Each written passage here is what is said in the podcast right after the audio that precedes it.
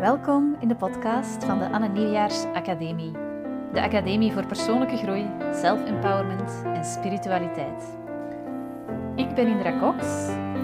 En ik ben Anne Nieuwjaars. En met deze podcast willen we je heel graag inspireren. Zodat ook jij een vrij, vreugdevol en vervullend leven kan creëren dat echt helemaal bij je past.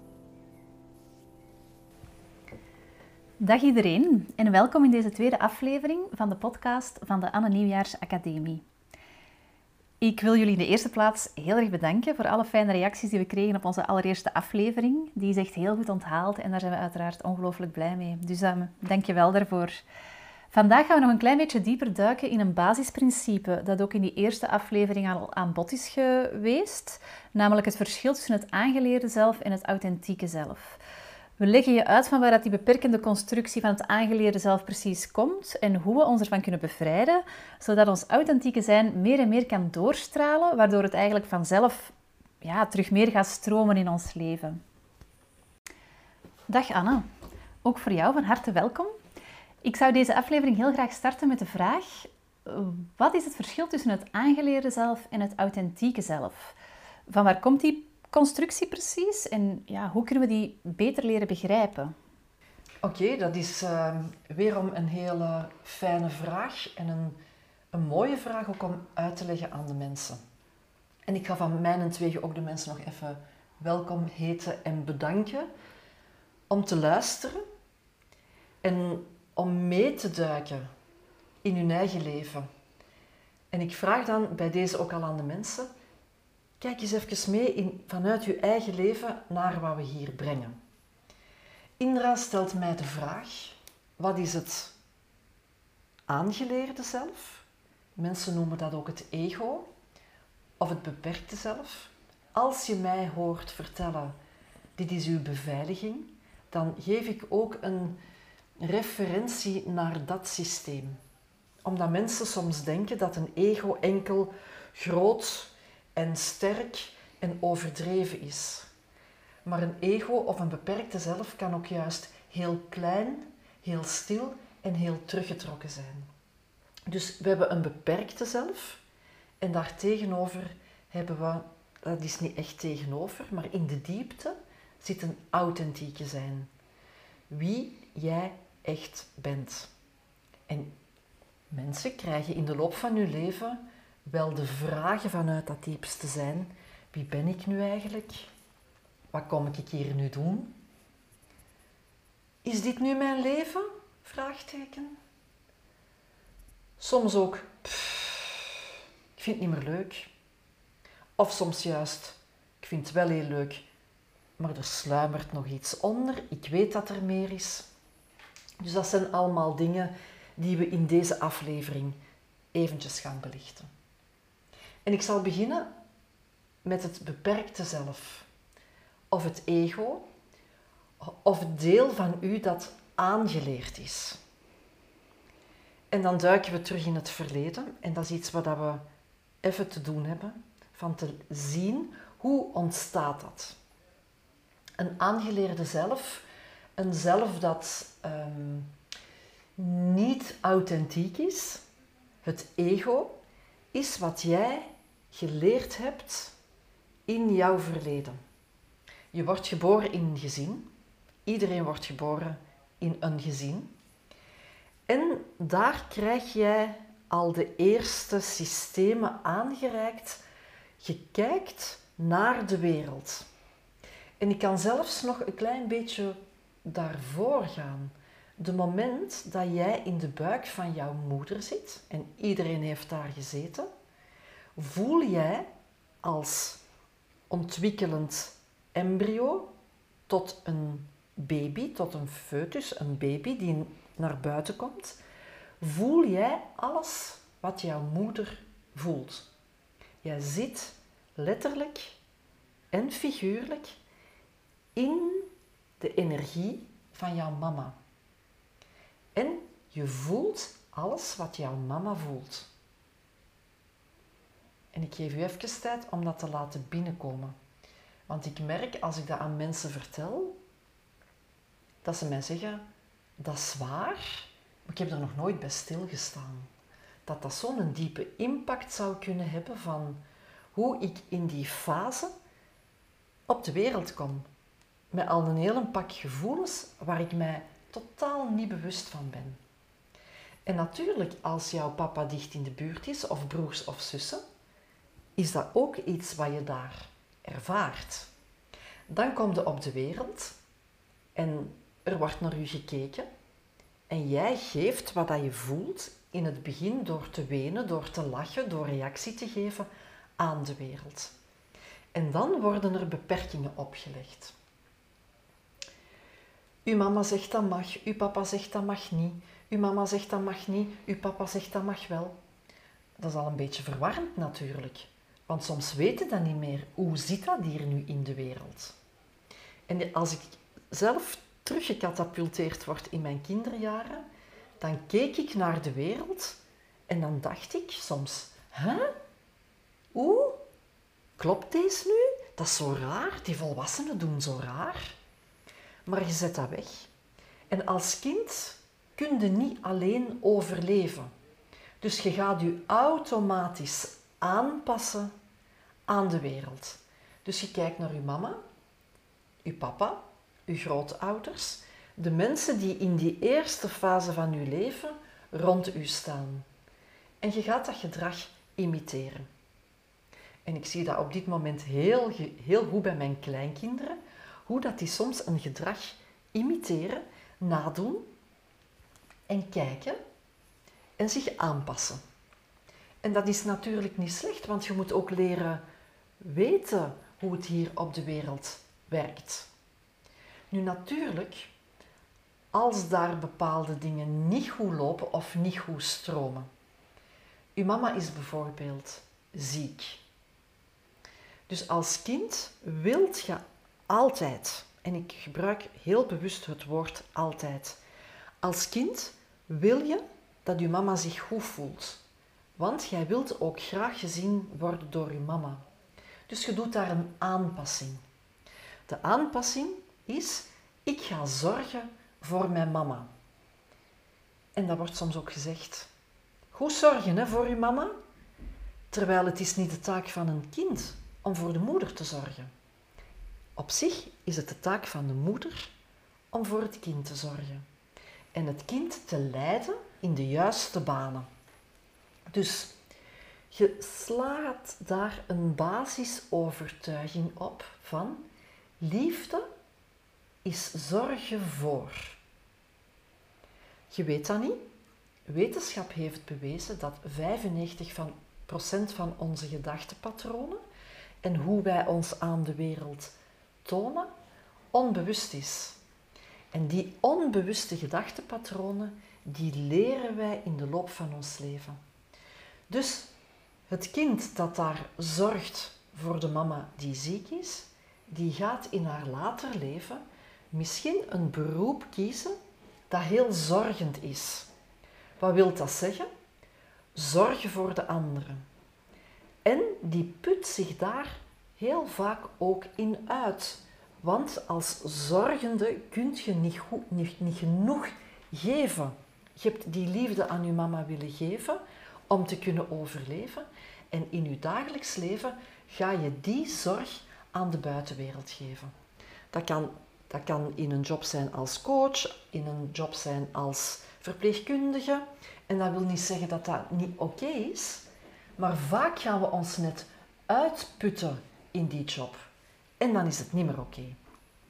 Dus het opslaan van ik moet zorgen voor, want anders ben ik niet goed genoeg, dat ligt daaronder. Bij mij thuis was dat vroeger, als ik niet hard werk, ben ik niet goed genoeg. Dus ik ging 10 uur werken, 12 uur werken per dag. Mijn ouders hadden een beenhouwerij en die hebben dat voorgeleefd. Dus ik ging dat toekoer herhalen. En ik heb zelfs mijn kinderen dat zien herhalen. Dus in dat gegeven ga jij denken dat liefde gelijk is aan heel hard werken. Dit is wat ik moet doen. En dat doe je dan ook. En je put jezelf uit. In die uitputting ga jij voelen, eigenlijk klopt dit niet. En dat is jouw authentieke zijn, dat jou via een gevoel, via een niet goed voelen, laat voelen dat je een overtuiging aan het leven bent. En dat je niet die authenticiteit naar buiten brengt, dat misschien wel is van ik wil zorg geven, maar dat daar een beperking tussen zit, wat ego is. De beperkende overtuiging daarin is dan ik moet zorgen voor, want anders ben ik niet goed genoeg. En die put u dan juist uit. Ja, en dat is eigenlijk ehm, die beperkende basisovertuiging die in de weg zit van dat te doen stromen. Want het wil niet zeggen dat je dat vroeger geleerd hebt, dat zorgen voor liefde krijgen is, dat je daarom niet in de zorg kan werken of niet zorgend als beroep kan kiezen. Maar het is de kunst van die lading eraf te halen, zodat het echt vanuit je diepste zijn kan stromen en niet vanuit je ego, ik moet, ik moet, ik moet, want vandaar komen ook al die moetes. Ja, van daaruit komen die moetes, van ik moet dit, ik moet dat, ik moet zus, ik moet zo. Dat ligt aan een basis wat jij vroeger geleerd hebt, aan die basisovertuiging. Ik ben niet goed genoeg en liefde is gelijk aan zorg. Ja. Bij mij was dat, liefde is gelijk aan heel hard werken. Dus ik ben niet goed genoeg als ik niet heel hard werk. Dus ik ging in mijn later leven heel hard werken. Ik heb er heel veel mensen mee geholpen. Maar ik heb mij ook uitgeput. En dat klopt natuurlijk niet. Dus het moment dat de overtuiging daar afgehaald wordt, kun je alsnog je job in de wereld zetten, maar vanuit vrijheid, vanuit rust, vanuit ontspanning. Want het zijn de moetes die leiden tot burn-out. Het zijn de moetes die leiden tot emotionele systemen. Maar het emotioneel systeem is een signaal vanuit dat diepste zijn van hier klopt iets niet, hier klopt iets niet. En uw authentieke zijn, wie jij echt bent, geeft u die signalen omdat je zou bewust worden van hier klopt iets niet. Dus uw beperkte zijn, uw ego of uw aangeleerde zelf, draagt daar een aantal overtuigingen van hoe dat wij de wereld geïnterpreteerd hebben. Iemand heeft een papa die nachtwerk doet en die moet altijd stil zijn in de dag. Het kind leert van, ik moet stil zijn, anders ben ik niet goed genoeg en dan heb ik geen liefde voor mijn papa. En in zijn later leven gaat het kind niet durven voluit spreken, gaat het kind zich terugtrekken, gaat het kind stilletjes worden. Natuurlijk kun je ook reageren met juist het tegengestelde en heel luidruchtig worden. Dus er zijn verschillende manieren. Iedereen draagt zo'n overtuiging. Niet iedereen heeft daar evenveel last van. Maar het last hebben of het last krijgen wil zeggen dat uw authentieke zijn, uw dieper zijn, uw ontpushen is om naar die overtuigingen te kijken.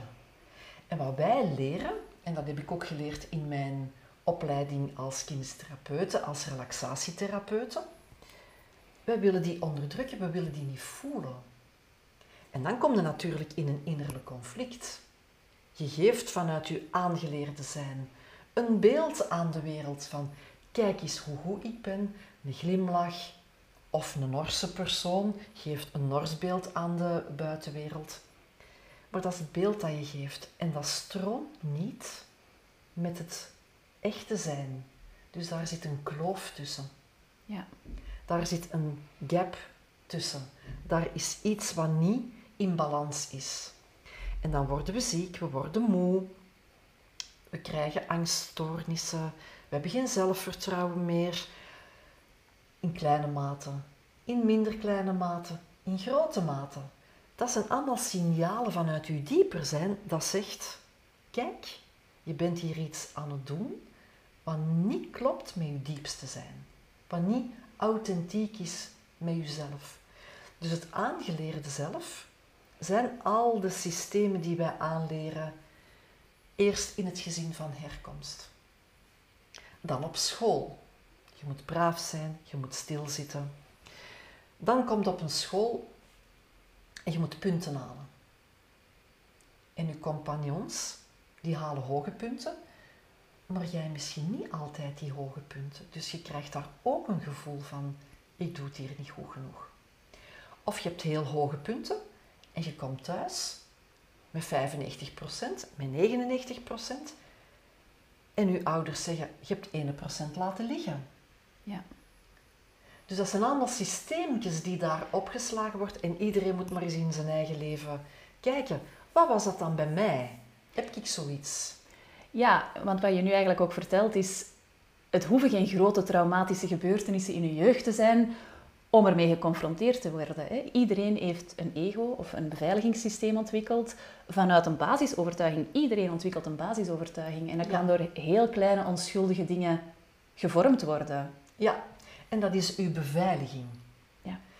Dat beveiligt u om als kind te kunnen overleven. Maar als we dat als volwassenen blijven meenemen, dan moeten we wel gaan onderdrukken.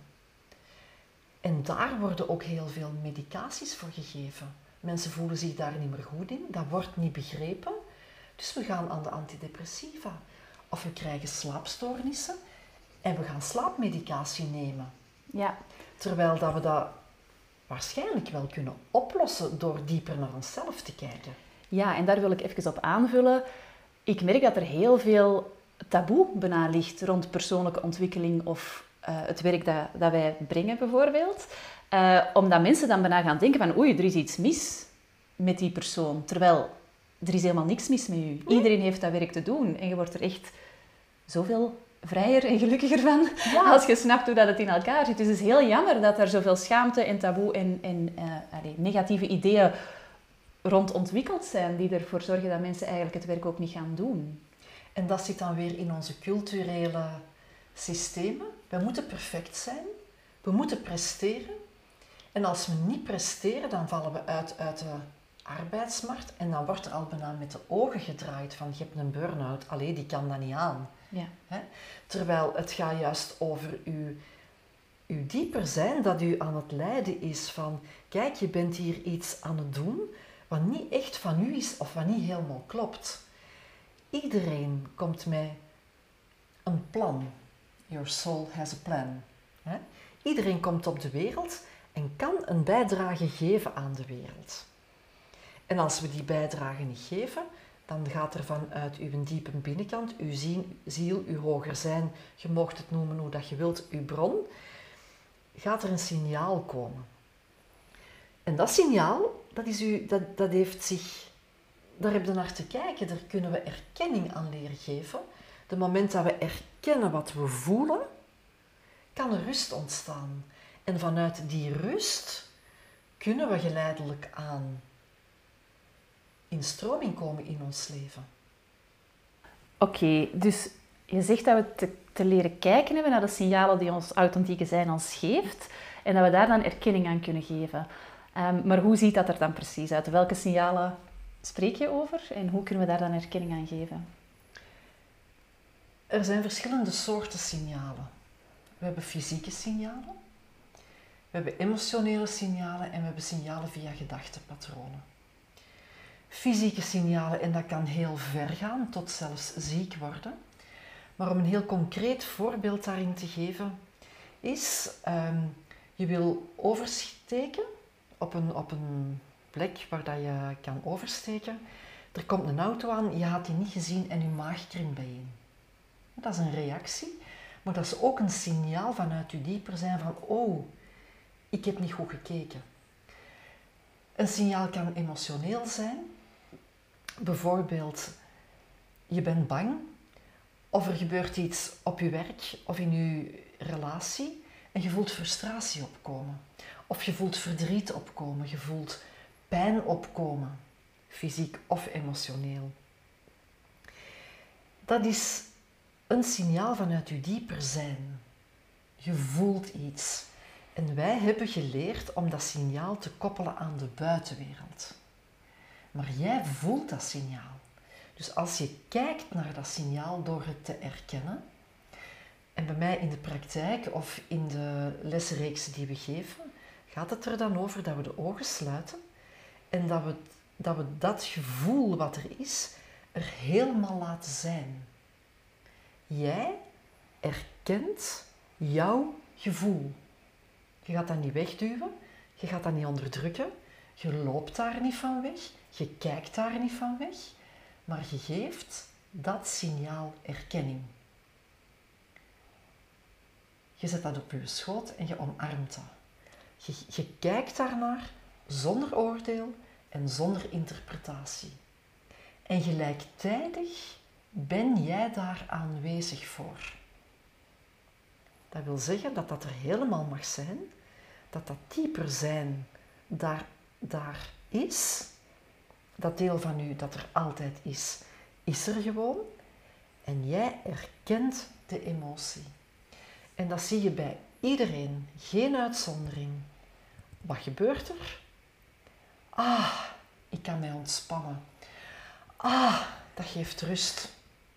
Dus de moment dat we een emotie niet meer wegduwen of niet meer koppelen aan de buitenwereld, komt er rust en ontstaat er een diepere ontspanning. Ontspanning wil zeggen dat je loskomt van de spanning. Dus de moment dat jij jouw reacties leert kennen, dat is zelfkennis. Jij leert je reacties kennen. Je kan daarmee werken doordat je daarin getraind bent. Je leert die reacties, die emoties erkenning te geven. En hoe meer dat je daarin traint, hoe makkelijker dat het wordt in de situatie zelf. Waardoor dat er een automatische stroming komt en waardoor dat jij niet meer in een reactie gaat, een herhaling van een actie wat je geleerd hebt in het verleden. Maar jij kan op dat moment in een antwoord geven op de situatie of vanuit een diepere neutraliteit, rust, ontspanning, aanwezig zijn voor die situatie. Wat wil dat zeggen? Dat je een veel grotere overview hebt, dat je een ander standpunt inneemt, dat je viewpoint veel groter wordt, waardoor dat je niet de kleine versie ziet van wat dat er gebeurt, maar dat dat veel breder wordt. En dan zien we dat dat wat zich toont, de situatie die daar is, die u die reactie gegeven heeft, dat die u uitnodigt om te groeien. En die uitnodiging tot groei is natuurlijk meer dat authentieke zijn naar boven laten komen. Dus de reacties die horen in het aangeleerde zelf. De rust, de stilte, de neutraliteit is de eerste fase van uw authentieke zelf. En dat is het grote verschil. Je gaat niet meer in reactie, je gaat niet meer in die emotionele uitputting, in die angst. Maar je gaat kijken naar de situatie en vanuit het kijken naar de situatie heb je op, op zich een stuk uitgezoomd. Kijkt op een andere manier naar die situatie waarin dat je antwoord geeft in de situatie die niet beladen is. En het erkennen is een belangrijk onderdeel daarvan, omdat als we onze emoties erkenning geven, als we onze gevoelens erkenning geven, als we erkenning geven van wat we voelen in het fysieke lichaam en we leren daar te werken, we leren daarin te ontspannen, dan kan dat oplossen. Want dat, dat is allemaal spanning die opgeslagen wordt, ook fysiek. En het moment dat we niet kijken, niet kijken, niet kijken, ontstaat daar een ziekte of ontstaat daar, komt daar iets onderuit. Dus het moment dat we in die neutraliteit aanwezig komen, geven we de strijd tegen op. De strijd tegen uw voelen, de strijd tegen het voelen van uw fysieke lichaam of een klacht die daar ontstaat. De strijd tegen uw gedachten. We gaan niet meer strijden, we gaan leren accepteren. En in acceptatie ontstaat er een neutraliteit. Die neutraliteit is de grote doorgang voor dat authentieke zelf veel meer ruimte te geven. Dat wil zeggen dat we uitgetuned zijn en dat we er niet meer in zitten.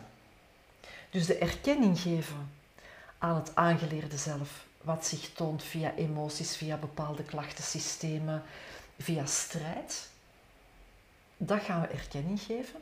En we leren daar gelijktijdig in aanwezigheid voor te zijn. Dat is die neutraliteit. Hoe meer dat we dat doen, hoe meer stroming dat er ontstaat. Want je zit niet meer te strijden tegen. Je zit niet meer op de rem te leven. Je houdt niks niet meer weg. Dus je energie komt vrij. Omdat je dat niet meer blokkeert. De moment dat jij in strijd gaat of iets niet wil voelen, gebruiken wij energie, levensenergie, die nodig is, laat ons zeggen, om dat potje toe te houden. In plaats van dat potje open te doen, er naar te kijken, te kijken wat dat is, daar erkenning aan te geven, zodanig dat dat geneutraliseerd wordt, dan voelde automatisch die rust. Dan voelde die ontspanning. En vanuit die ontspanning kom jij in een stroming, want je zit niet meer strijd te leveren. De moment dat jij blijft strijd leveren, tegenwerkt, in die emotie gaat, komt dat ook terug. En dat is eigenlijk de betekenis van wat je aandacht geeft, groeit. Omdat je geeft aandacht aan het onderdrukken van die emotie. En die wil gewoon erkenning krijgen, die wil gezien worden. Dat is dat kleine meisje, dat kleine jongensje, dat verleden, dat wil erkenning krijgen. En jij kunt, dat, jij kunt erkenning gaan vragen in de buitenwereld door bevestiging. Maar als jij zelf die erkenning niet geeft aan jezelf, door jezelf daarin te erkennen en daar aanwezig voor te zijn, is dat een bodemloos gegeven. Blijft dat elke keer terugkomen. En het moment dat jij die erkenning daaraan geeft, hoefde dat aan iemand anders niet meer te vragen. Dan is dat heel fijn dat je bevestiging krijgt, maar je bent niet meer afhankelijk daarvan. Dus dat is het stukje jezelf leren kennen, je kleine zelf leren kennen, het aangeleerde zelf, dat je weet hoe dat je in reactie gaat, dat je je emoties begrijpt, dat je je gedachtenpatronen leert begrijpen en dat je ook leert voelen welk effect heeft dat op mijn fysieke lichaam. En gelijktijdig meer ruimte te geven door de neutraliteit, waardoor dat, dat authentieke zijn gewoon blootgelegd wordt. Een beetje archeologie doen. Dat wordt blootgelegd. Heel voorzichtig, want er kan kwetsbaarheid in zitten. Je hebt daar moed voor nodig en je hebt dat te durven. Maar het moment dat je doorhebt hoe dat werkt door die erkenning te geven. Mensen zeggen elke keer opnieuw, deze is zo bevrijdend, waarom heb je dat nooit geleerd? Gewoon door erkenning te geven aan een emotie. Dan zeggen ze, ik heb mij nog nooit zo rustig gevoeld. Die onrust is weg. Hoe kan dat nu? Maar die pijn verdwijnt. Hoe kan dat nu? En dat is hetgeen dat we willen brengen in de academie, in de Anne Nieuwjaarsacademie. Dus aangeleerde zelf, alles wat dat daar geleerd is. Vanuit uw authentieke zelf worden er signalen gegeven, fysiek, emotioneel, mentaal, om u te laten weten dat er erkenning mag komen, dat je naar die neutraliteit mag evolueren, los van de negativiteit. Je komt in de neutraliteit, waardoor dat er veel meer ruimte ontstaat. En wat hebben mensen nodig? Ik heb ruimte nodig voor mezelf. Ik heb rust nodig voor mezelf.